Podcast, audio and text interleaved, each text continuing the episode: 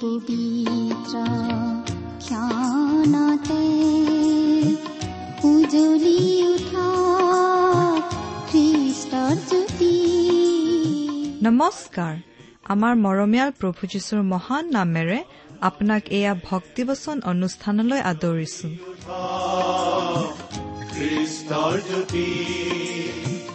আকাশ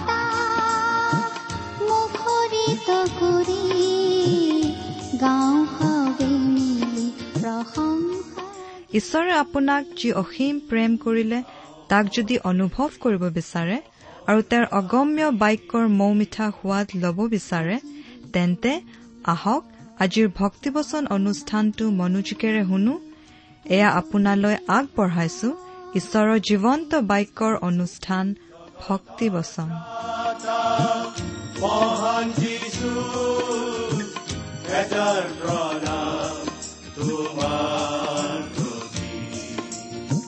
গ্ৰহণ কৰাই ভক্তি বচন।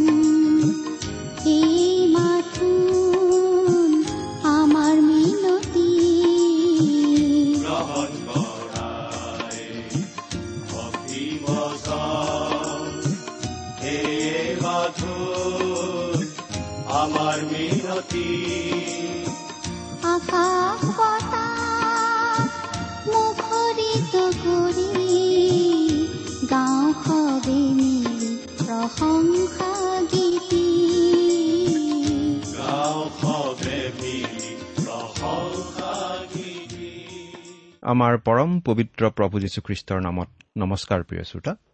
আশা কৰোঁ আপুনি ভালে কুশলে আছে।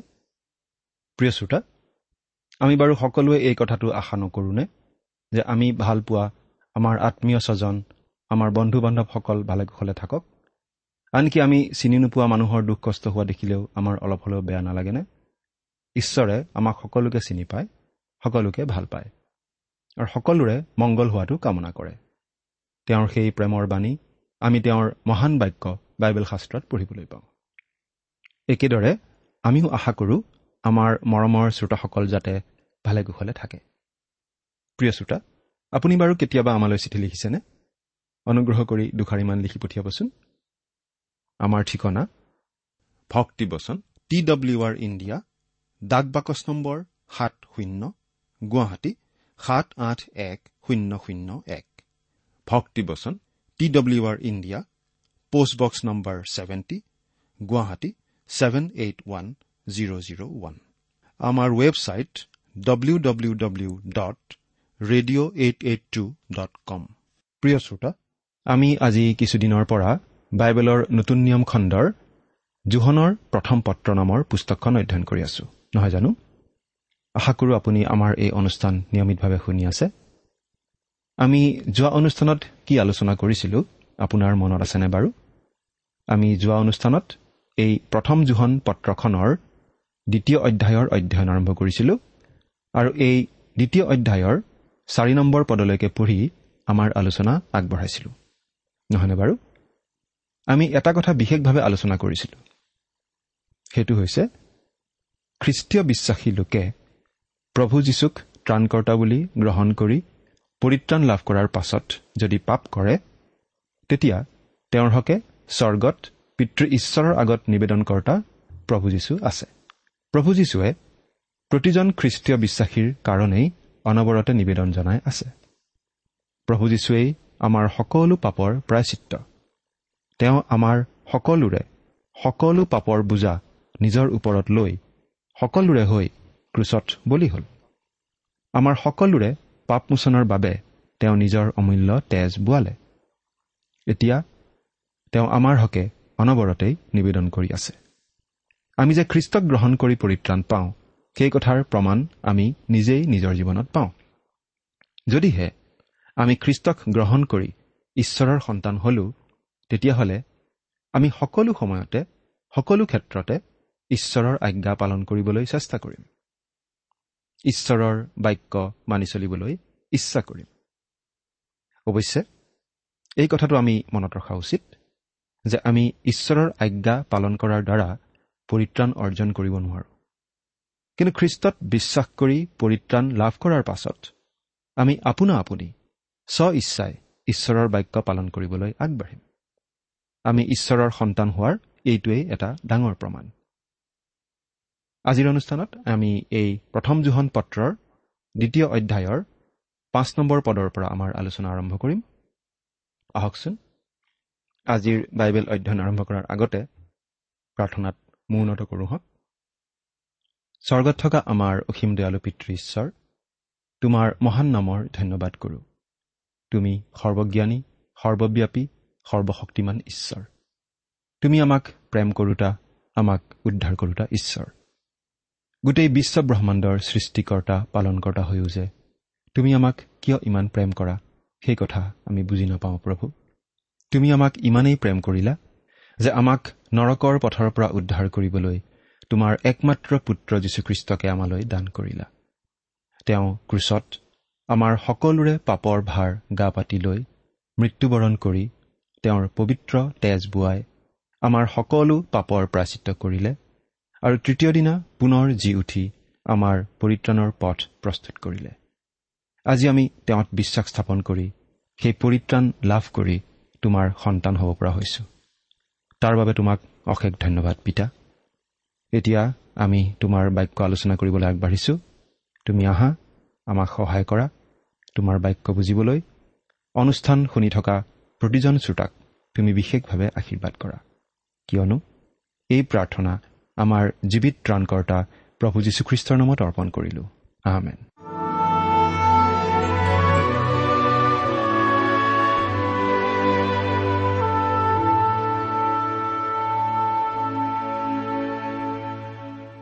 প্ৰিয় শ্ৰোতা আহকচোন এতিয়া আমি বাইবেল অধ্যয়নলৈ আগবাঢ়োঁ হওক।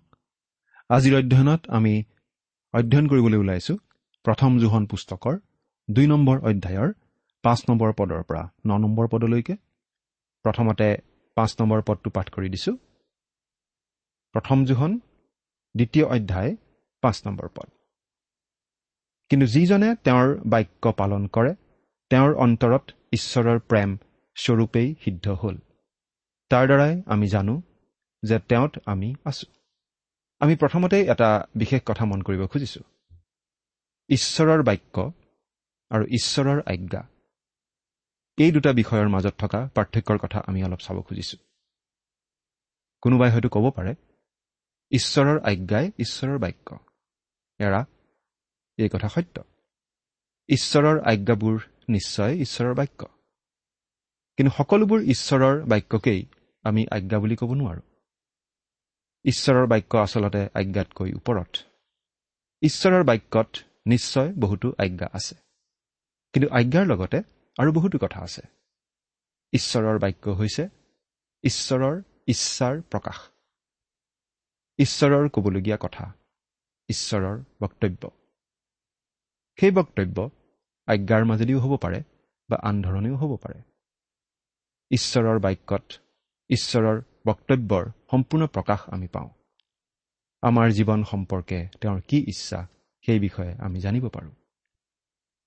প্ৰভু যীশুৱে শিষ্যসকলক এই বুলি কৈছিল তোমালোকে যদি মোক প্ৰেম কৰা তেন্তে মোৰ আজ্ঞাবোৰ পালন কৰিবা। জোহন চৈধ্য অধ্যায় পোন্ধৰ পদ।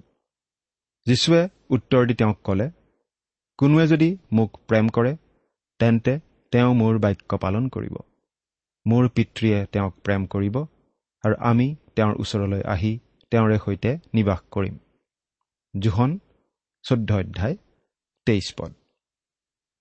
ইয়াত বাৰু কিবা পাৰ্থক্য আছেনে? আজ্ঞা পালন কৰা আৰু বাক্য পালন কৰাৰ মাজত এটা সৰু উদাহৰণ আমি দিব খুজিছোঁ। ধৰক এজন ডেকা ল'ৰাৰ দেউতাক খেতিয়ক। দেউতাকে ল'ৰাজনক ক'লে মই সদায় গৰুৰ গাখীৰ খীৰাম আৰু আন কামবোৰ কৰিম। তুমি কেৱল স্কুলৰ পৰা আহি খৰি কাটি খৰি ফালিবা। ল'ৰাটোৱে ঠিক সেইমতেই কাম কৰি গ'ল। এদিন ৰাতিপুৱা দেউতাকে ক'লে আজি মোৰ গাটো বৰ বেয়া লাগি আছে। খেতিপথাৰলৈ যাবলৈ একেবাৰে মন যোৱা নাই। কিন্তু দেউতাকে ৰুগীয়া গাৰেই পথাৰলৈ গ'ল। ডেকা ল'ৰাজনে স্কুলৰ পৰা আহি খৰি কাটিলে খৰিও ফালিলে আৰু গৰুৰ গাখীৰ খীৰালে। দেউতাকে কেৱল খৰি কাটি খৰি ফালিবলৈহে আজ্ঞা দিছিল। কিন্তু ল'ৰাটিয়ে গাখীৰ খিৰোৱা কামটোও কৰিলে কাৰণ দেউতাকৰ গা বেয়া বুলি জানে। গতিকে দেউতাকৰ প্ৰতি থকা মৰমতে ল'ৰাজনে দেউতাকে কৰিবলৈ নকওঁতেই সেই কাম কৰিলে। ঠিক একেদৰে খ্ৰীষ্টীয় বিশ্বাসীজনে ঈশ্বৰৰ পোনপটীয়া আজ্ঞাবোৰ পালন কৰাতেই ক্ষান্ত নাথাকে। কিন্তু ঈশ্বৰৰ বাক্য মানি চলিবলৈ ইচ্ছা কৰে। সকলো ক্ষেত্ৰতেই ঈশ্বৰক সন্তুষ্ট কৰিবলৈ চেষ্টা কৰে। বহুতো লোকে কেতিয়াবা প্ৰশ্ন কৰে মই এই কামটো কৰা বেয়ানে এই কামটো কৰিব নালাগে বুলিতো বাইবেলত ক'তো লিখা নাই? কিন্তু আমাৰ সদায় এইটোহে প্ৰশ্ন হ'ব লাগে মই মোৰ পিতৃ ঈশ্বৰক কেনেদৰে সন্তুষ্ট কৰিব পাৰোঁ? বহুতো খ্ৰীষ্টীয় বিশ্বাসী আকৌ ভাবে যে অলপ খোলা মনৰ হ'ব লাগে আৰু সকলোৰে লগত মিলি পৰিব লাগে। গতিকে আনৰ লগত মিলি পৰিবলৈ কিবা কিবি আপত্তিজনক কাম কৰিবলৈও তেওঁলোকে কুণ্ঠাবোধ নকৰে। কিন্তু আমি ঠেক মনৰ বহল মনৰ এনেকুৱা চিন্তা নকৰি কেৱল এটা কথাই যদি ভাবোঁ কি কৰিলে পিতৃ ঈশ্বৰক সন্তুষ্ট কৰিব পাৰোঁ? তেতিয়া আমাৰ আচাৰ ব্যৱহাৰ কথা বতৰা চলন ফুৰণ সকলো নিজে নিজেই ঠিক হ'ব। প্ৰিয় শ্ৰোতা কিবা এটা কাম কৰা উচিত নে অনুচিত? এই বুলি যদি আমাৰ মনত সন্দেহ উপজে তেতিয়া আমি নিজকে সুধি চোৱা উচিত। এই কামটো কৰিলে মোৰ পিতৃ ঈশ্বৰ সন্তুষ্ট হ'বনে? আমি তেনেকুৱা কামেই কৰা উচিত যি কামৰ দ্বাৰা পিতৃ ঈশ্বৰ সন্তুষ্ট হয় আৰু তেওঁৰ সৈতে আমাৰ সহভাগিতা মধুৰ হয় আৰু আমাৰো জীৱনলৈ আনন্দ আহে। আৰু গোটেই কথাখিনিৰ মূলতেই থাকিব লাগে প্ৰেম। আমি যদি প্ৰভু যীশুক প্ৰেম কৰোঁ তেন্তে তেওঁৰ বাক্য পালন কৰি চলিম তেওঁৰ আজ্ঞা মানি চলিম। আমি যদি তেওঁক প্ৰেম কৰোঁ তেন্তে আমি কেৱল আজ্ঞা পালনেই নহয় লগতে তেওঁৰ সমস্ত বাক্য অনুসাৰে জীৱন কটাবলৈ চেষ্টা কৰিম। প্ৰায় ক্ষেত্ৰতেই মানুহে ভাবে কিবা এটা কাম কৰাৰ দ্বাৰাহে আমি পাপ কৰোঁ। যেনে ধৰক চুৰি কৰিলে আমি পাপ কৰা হয়। কিন্তু কিবা এটা কাম নকৰাকৈ থকাটোও যে পাপ হ'ব পাৰে সেইটো প্ৰায়েই আমাৰ মনলৈ নাহে। বাইবেলত লিখা আছে এতেকে যিকোনোৱে সৎকৰ্ম কৰিবলৈ জানিও তাক নকৰে তাৰ পাপ হয়। জাকুব চাৰি অধ্যায় সোতৰ পদ। বহুতো কাম আমি কৰা উচিত বুলি জানো। কিন্তু উচিত বুলি জানিও যদি নকৰোঁ তেনেহ'লে সেই উচিত কাম নকৰাৰ দ্বাৰা আমি পাপ কৰা হয়। বেয়া কাম কৰিলেও পাপ আৰু ভাল কাম বুলি জানি নকৰিলেও পাপ। প্ৰিয় শ্ৰোতা পাঁচ নম্বৰ পদটো খুব গুৰুত্বপূৰ্ণ পদ। আমি আকৌ এবাৰ পঢ়ি দিছোঁ। কিন্তু যিজনে তেওঁৰ বাক্য পালন কৰে তেওঁৰ অন্তৰত ঈশ্বৰৰ প্ৰেম স্বৰূপেই সিদ্ধ হ'ল। তাৰ দ্বাৰাই আমি জানো যে তেওঁত আমি আছোঁ। আমি যদি ঈশ্বৰৰ বাক্য পালন কৰোঁ আমাৰ অন্তৰত ঈশ্বৰৰ প্ৰেম সিদ্ধ হ'ল বুলি ক'ব পাৰোঁ। আজ্ঞা পালনৰ পৰ্যায় পাৰ হৈ আমি প্ৰেমৰ পৰ্যায়ত প্ৰৱেশ কৰা হয়। আৰু আমি সকলো প্ৰকাৰে ঈশ্বৰকেই সন্তুষ্ট কৰিব খোজোঁ। প্ৰিয় শ্ৰোতা আমি নিজকে পৰীক্ষা কৰি চোৱা উচিত। পাপৰ বিষয়ে আমাৰ মনোভাৱ কি? পাপে আমাৰ মনত অশান্তি দিয়েনে? পিতৃ ঈশ্বৰৰ সৈতে আমাৰ সহভাগিতা ভংগ কৰেনে? আমি বাৰু পিতৃ ঈশ্বৰৰ আগত ক্ৰদন কৰোঁনে? প্ৰভু মোৰ ভুল হ'ল। মই পাপ কৰিলোঁ মোক ক্ষমা কৰা। আমি যদি তেনে কৰোঁ পিতৃ ঈশ্বৰে আমাক ক্ষমা কৰিব আৰু তেওঁৰ সৈতে আমাৰ সহভাগিতা পুনৰ স্থাপিত হ'ব। আমাৰ অন্তৰলৈ পৰিত্ৰাণৰ নিশ্চয়তা আহিব। এতিয়া ছয় নম্বৰ পদটো পঢ়ি দিছোঁ। মই তেওঁত থাকোঁ। এই বুলি যিকোনোৱে কয় তেওঁ যেনে আচৰণ কৰিলে তেওঁ তেনে আচৰণ কৰা উচিত। যদি আমি প্ৰভু যীশুত বিশ্বাস কৰি তেওঁতেই আশ্ৰয় লৈছোঁ তেন্তে আমি কথাই কামে ভাবে চিন্তাই তেওঁৰ নিচিনা হ'বলৈ চেষ্টা কৰা উচিত। অৱশ্যে এই কথা ঠিক যে আমি কেতিয়াও প্ৰভু যীশুৰ নিচিনা শুদ্ধ সিদ্ধ পবিত্ৰ হ'ব নোৱাৰোঁ এই জীৱনত। কিন্তু আমি যদি পিতৃ ঈশ্বৰৰ ইচ্ছা পালন কৰাকেই আমাৰ অন্তৰৰ হাবিয়াস কৰি লওঁ তেনেহ'লে আমি প্ৰভু যীশুৰ নিচিনা আচৰণ কৰা হ'ব। কাৰণ প্ৰভু যীশুৰ অন্তৰৰ একমাত্ৰ হাবিয়াস সেইটোৱেই আছিল। পিতৃ ঈশ্বৰৰ ইচ্ছা পালন কৰা। আমি আত্মোৎসৰ্গ কৰাৰ কথা প্ৰায়েই শুনি থাকোঁ। বহুতো সময়ত উপাসনাৰ সময়ত শাস্ত্ৰৰ শিক্ষা আগবঢ়োৱাৰ পাছত প্ৰশ্ন সোধা হয় আপুনি প্ৰভু যীশুৰ ওচৰত আপোনাৰ জীৱন সোধাই দিবনে? প্ৰকৃত আত্মোৎসৰ্গ কি বাৰু? খ্ৰীষ্টক সৰ্বান্তঃকৰণে প্ৰেম কৰাটোৱেই প্ৰকৃত আত্মোৎসৰ্গ। যদি আমি খ্ৰীষ্টক প্ৰেম কৰোঁ আমি তেওঁৰ বাক্য মানি চলিমেই। আমি যাক ভাল পাওঁ তেওঁক সদায় সন্তুষ্ট কৰিব খোজোঁ। আমি প্ৰেম কৰা ব্যক্তিজনৰ মনত দুখ দিব নোখোজো। আপুনি খ্ৰীষ্টৰ প্ৰতি উৎসৰ্গিত জীৱন কটাইছেনে? এই বুলি সোধাতকৈ আমি সোধা উচিত। আপুনি খ্ৰীষ্টক সৰ্বান্তকৰণে প্ৰেম কৰিছেনে? এতিয়া সাত নম্বৰ পদটো পঢ়ি দিব খুজিছোঁ। হে প্ৰিয়বিলাক মই তোমালোকলৈ কোনো নতুন আজ্ঞা লিখিছোঁ এনে নহয়। কিন্তু আদিৰে পৰা তোমালোকে যি পালা এনে পুৰণি আজ্ঞা লিখিছোঁ। তোমালোকে যি বাক্য শুনিলা সেয়ে সেই পুৰণি আজ্ঞা। কিন্তু আদিৰে পৰা তোমালোকে যি পালা। ইয়াত আদিৰে পৰা মানে প্ৰভু যীশুৱে আগতেই দি অহা আজ্ঞাৰ কথা বুজোৱা হৈছে। কিন্তু আদিৰে পৰা তোমালোকে যি পালা এনে পুৰণি আজ্ঞা লিখিছো। প্ৰভু যীশুৱে পাচনীসকলৰ আগত তেওঁৰ শিষ্যসকলৰ আগত যি আজ্ঞা ইতিমধ্যে দি গৈছিল সেই আজ্ঞাকেই জোহনে আকৌ উল্লেখ কৰিছে। তেওঁ নতুনকৈ একো আজ্ঞা দিয়া নাই। প্ৰভু যীশুৱে এই আজ্ঞাসমূহ তেওঁ পৃথিৱীত থকা সময়ছোৱাত তেওঁৰ চাৰে তিনি বছৰীয়া পৰিচৰ্যা কালত দিছিল। বহুখিনি কথা তেওঁ কেইবাঠাইতো দোহাৰিছিল। জোহনে লিখা শুভবাৰ্তা তেৰ অধ্যায় চৌত্ৰিছ আৰু পঁয়ত্ৰিছ পদত আমি এনেদৰে পাওঁ মই তোমালোকক এটা নতুন আজ্ঞা দিওঁ যে তোমালোকে যেন পৰস্পৰে প্ৰেম কৰা। মই যেনেকৈ তোমালোকক প্ৰেম কৰিলোঁ তেনেকৈ তোমালোকেও যেন পৰস্পৰে প্ৰেম কৰা। তোমালোকে যদি পৰস্পৰৰ মাজত প্ৰেম ৰাখা তেন্তে তোমালোক যে মোৰ শিষ্য ইয়াক তাৰ দ্বাৰাই সকলোৱে জানিব। আকৌ জোহনে লিখা শুভবাৰ্তা পোন্ধৰ অধ্যায় দহ আৰু বাৰ পদত আমি পঢ়িবলৈ পাওঁ।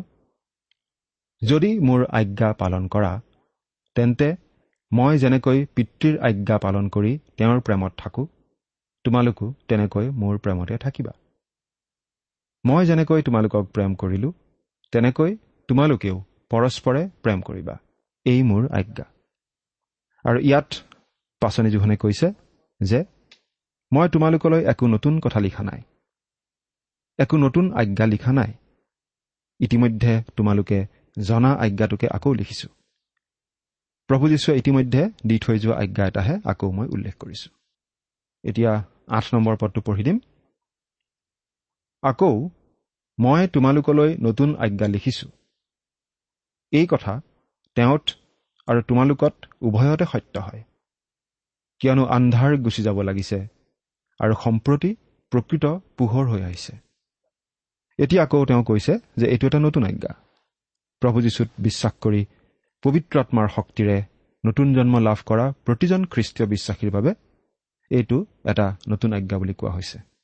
কিয় বাৰু? কাৰণ এই আজ্ঞা দিয়া হৈছিল ক্ৰুচৰ সিটো পাৰে পৃথিৱীলৈ পবিত্ৰ আত্মা নামি অহাৰ আগেয়ে। গতিকে ক্ৰুচৰ ইটো পাৰে এইটো আচলতে নতুন আজ্ঞা। বিশ্বাসীসকলে ঈশ্বৰৰ ইচ্ছা পালন কৰা উচিত। আৰু ঈশ্বৰৰ ইচ্ছা প্ৰথমতে হৈছে আমি যাতে তেওঁক প্ৰেম কৰোঁ। এই প্ৰেমেই খ্ৰীষ্টীয় বিশ্বাসীৰ এটা পৰিচয়। খ্ৰীষ্টীয় বিশ্বাসীজনে ঈশ্বৰৰ ইচ্ছা পালন কৰি আনন্দ পায় কাৰণ আন্ধাৰ গুচি যাব লাগিছে আৰু সম্প্ৰতি প্ৰকৃত পোহৰ হৈ আহিছে। খ্ৰীষ্টীয় বিশ্বাসীজনে ঈশ্বৰক অধিক অধিককৈ বুজি পোৱা বুলি ক'ব পাৰিব লাগিব। ঈশ্বৰৰ ইচ্ছা অধিক অধিককৈ বুজি পোৱা বুলি ক'ব পাৰিব লাগিব। বিখ্যাত জাৰ্মান কবি স্কিলাৰে কৈছিল মই প্ৰত্যেক বস্তু অধিক স্পষ্টকৈ দেখিব ধৰিছোঁ। প্ৰতিজন খ্ৰীষ্টীয় বিশ্বাসীৰ এইটোৱেই অভিজ্ঞতা হোৱা উচিত। প্ৰত্যেক দিনেই তেওঁ বৃদ্ধি পাই থকা উচিত আৰু ঈশ্বৰৰ বাক্য অধ্যয়ন নকৰাকৈ কোনেও আত্মিকভাৱে বৃদ্ধি পাব নোৱাৰে। ঈশ্বৰৰ লিখিত বাক্যই জীৱন্ত বাক্য প্ৰভু যীশুখ্ৰীষ্টক অধিক অধিককৈ প্ৰকাশ কৰে। তেওঁ এই জীৱনৰ আহাৰ জীৱন জল। আমি তেওঁতেই আত্মিক আহাৰ নিবিচাৰিলে লেৰেলা চেপেটা পৰি যাম। প্ৰিয় শ্ৰোতা খ্ৰীষ্টীয় বিশ্বাসীসকলে যদি কেৱল কিছুমান নীতি নিয়ম বান্ধি লৈ সেইবোৰ মাত্ৰ পালন কৰিবলৈ চেষ্টা কৰে তেন্তে তেওঁলোকে খ্ৰীষ্টীয় জীৱনত বৃদ্ধি পাব নোৱাৰে। কিন্তু আমি প্ৰায়েই সেই ভুলটোকেই কৰোঁ। আমি কিছুমান ৰীতি নীতি পালন কৰি থাকিলেই খ্ৰীষ্টীয় জীৱন যাপন কৰা বুলি ভাবোঁ। কিন্তু আমি একোটা যন্ত্ৰ নহয় আমি একো একোজন ব্যক্তি। যদি আমি খ্ৰীষ্টক গ্ৰহণ কৰাৰ যোগেদি ঈশ্বৰৰ সন্তান হৈছো আমাৰ এটা নতুন প্ৰকৃতি থাকিবই লাগিব। অৱশ্যে লগতে আমাৰ পুৰণি প্ৰকৃতিটোও থাকিব যিটো প্ৰকৃতি মন্দ। কিন্তু নতুন প্ৰকৃতিটোৱে ঈশ্বৰৰ ইচ্ছা পালন কৰিব বিচাৰে। এই প্ৰকৃতি এই স্বভাৱটোৱে ঈশ্বৰক সন্তুষ্ট কৰিব বিচাৰে। এন্ধাৰ আঁতৰি যাব লাগিছে। তাৰমানে আমি এই কথাটো বুজি পাওঁ যে এন্ধাৰ সম্পূৰ্ণৰূপে আঁতৰি যোৱা নাই। আজিও ঈশ্বৰৰ বাক্যৰ প্ৰতি অনেক মানুহ অজ্ঞ হৈয়েই আছে। প্ৰকৃত পোহৰ অৰ্থাৎ যীশুখ্ৰীষ্ট এই জগতত প্ৰকাশিত হৈ আছে। তেওঁৰ কথা এই জগতে কেতিয়াও পাহৰিব নোৱাৰে। তেওঁক অৱজ্ঞা কৰিব নোৱাৰে। আনকি তেওঁৰ শত্ৰুবোৰেও তেওঁক অৱজ্ঞা কৰিব নোৱাৰে। তেওঁৱেই প্ৰকৃত পোহৰ। তেওঁৱেই আত্মাৰ অন্ধকাৰ দূৰ কৰিব পাৰে। এতিয়া ন নম্বৰ পদটো পঢ়ি দিছোঁ। মই পোহৰতে আছো। এইবুলি যিকোনোৱে নিজ ভাইক ঘীন কৰে তেওঁ এতিয়ালৈকে আন্ধাৰতে আছে। প্ৰিয় শ্ৰোতা যদিহে আপুনি প্ৰভু যীশুত বিশ্বাস কৰি ঈশ্বৰৰ সন্তান হৈছে যদিহে আপুনি পোহৰত চলিছে তেন্তে আপুনি কেতিয়াও আপোনাৰ খ্ৰীষ্টীয় বিশ্বাসী ভাইক ঘীন কৰিব নোৱাৰে।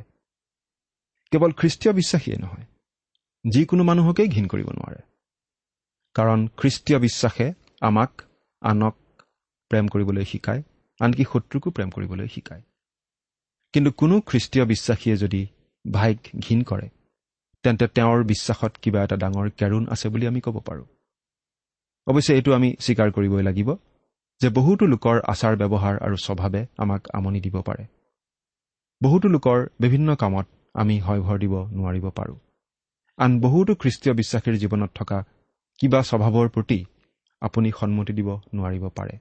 কাৰণ আমাৰ সকলোৰেই কিবা কিবি দুৰ্বলতা থাকে আৰু সকলো ক্ষেত্ৰতে আমি শুদ্ধ সিদ্ধ নহয়। কিন্তু তাৰমানে আমি আনক ঘীন কৰিম তেনে নহয়।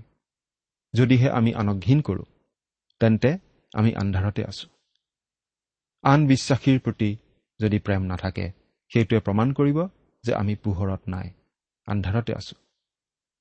সকলো মানুহে স্বভাৱতেই এক অন্ধকাৰত জন্মগ্ৰহণ কৰে। মানৱ জাতিৰ এইটো প্ৰাকৃতিক অৱস্থা। কিন্তু আমি আন্ধাৰত জন্মা কাৰণে ঈশ্বৰৰ শাস্তিৰ যোগ্য নহয়। কিন্তু আমি পোহৰক প্ৰত্যাখ্যান কৰিহে ঈশ্বৰৰ দণ্ডৰ পাত্ৰ হওঁ। অৰ্থাৎ আমি স্বভাৱতেই পাপী হিচাপে জন্মগ্ৰহণ কৰাৰ বাবে ঈশ্বৰে আমাক দোষী কৰিব নোখোজে। কিন্তু আমি পোহৰক প্ৰত্যাখ্যান কৰি অৰ্থাৎ আমাৰ ত্ৰাণকৰ্তা প্ৰভু যীশুক প্ৰত্যাখ্যান কৰিহে ঈশ্বৰৰ দণ্ডৰ পাত্ৰ হওঁ। ঈশ্বৰৰ বাক্যৰ যোগেদি আমালৈ অহা পোহৰলৈ সঁহাৰি নিদিলেহে আমি ঈশ্বৰৰ শাস্তি পাবৰ যোগ্য হৈ পৰোঁ। যদি আমি পোহৰত ফুৰোঁ সেই পোহৰেই সকলো আন্ধাৰ দূৰ কৰিব। পোহৰৰ প্ৰতি পৃথি নিদি সেই পোহৰক আমাৰ হৃদয় পোহৰাবলৈ দিব লাগিব। আমাৰ হৃদয় পৰীক্ষা কৰিবলৈহে দিব লাগিব। কোনো মানুহে যদি অনবৰতেই ঈশ্বৰৰ সেই পোহৰ প্ৰত্যাখ্যান কৰি থাকে এনেকুৱা এটা দিন আহি যাব পাৰে যে ঈশ্বৰে সেই পোহৰ লৈ যাব। আৰু সেই মানুহে আৰু ঈশ্বৰৰ বাক্যলৈ কেতিয়াও মন নিদিয়া হ'ব। এনেকুৱা দুখ লগা অৱস্থা বহুতো লোকৰেই হয়। সেয়েহে ঈশ্বৰৰ বাক্যৰ পোহৰলৈ পিঠি নিদি ঈশ্বৰৰ বাক্যৰ পোহৰক আদৰি লৈ সেই পোহৰতে চলিবলৈ আমি সিদ্ধান্ত লোৱা উচিত। প্ৰভু যীশুৰ যোগেদি অহা সেই পোহৰতেই আমি জীৱন কটোৱা উচিত। তাতেই আমি পাওঁ ঈশ্বৰৰ সৈতে মধুৰ সহভাগিতা সৰগীয় সুখ আৰু শান্তি। ঈশ্বৰে আমাৰ সকলোকে আশীৰ্বাদ কৰক।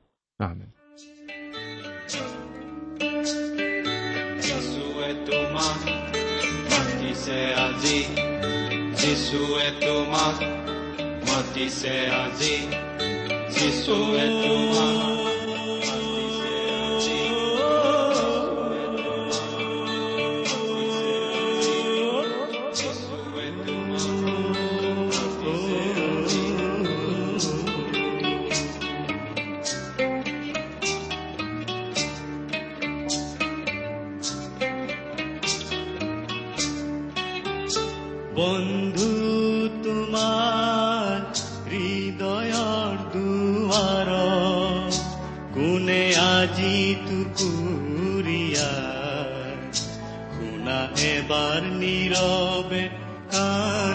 কোনে টুকুৰীয়া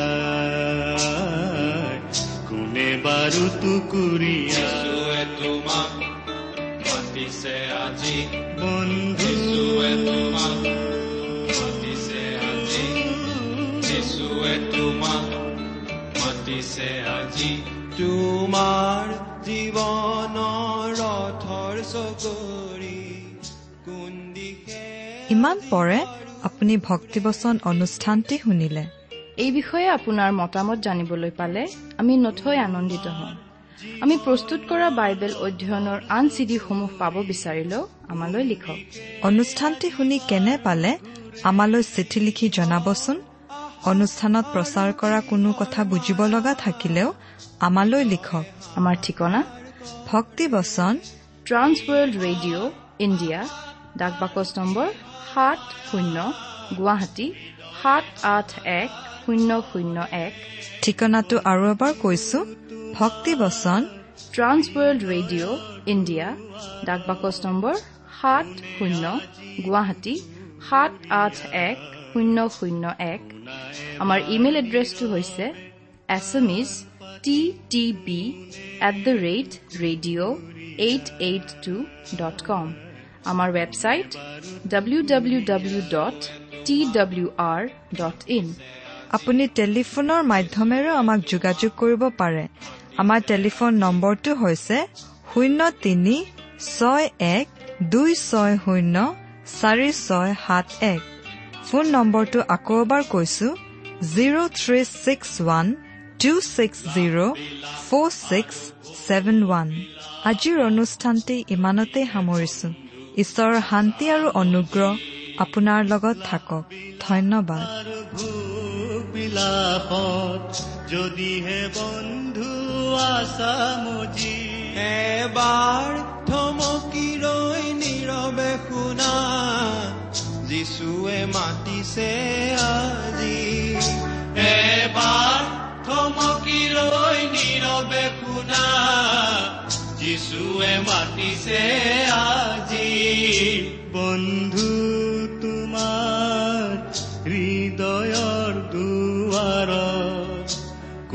আজি টুকুৰীয়া শুনা এবাৰ নীৰৱে কাণ পাতি কোনে টুকুৰীয়া কোনে বাৰু টুকুৰীয়া যিছুৱে তোমাক মাতিছে আজি যিছুৱে তোমাক মাতিছে আজি।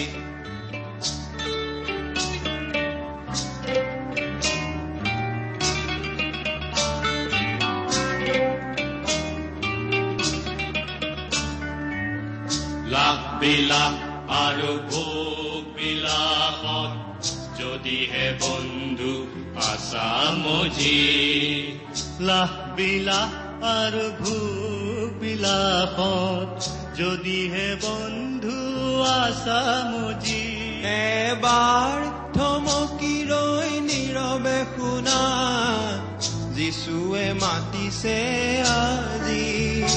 এবাৰ থমকি ৰৈ নীৰৱে শুনা যিচুৱে মাতিছে আজি বন্ধু তোমাৰ হৃদয়ৰ দুৱাৰ কোনে আজি টুকুৰীয়া শুনা এবাৰ নীৰৱে কাণ পাতি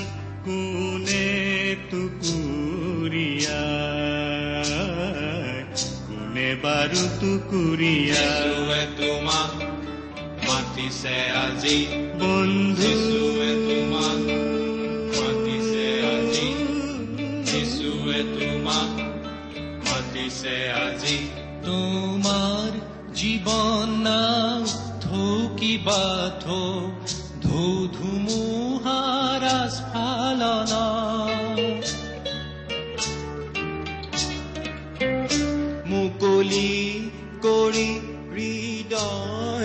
দুৱাৰ যদিহে যিচুক আহ্বান কৰা।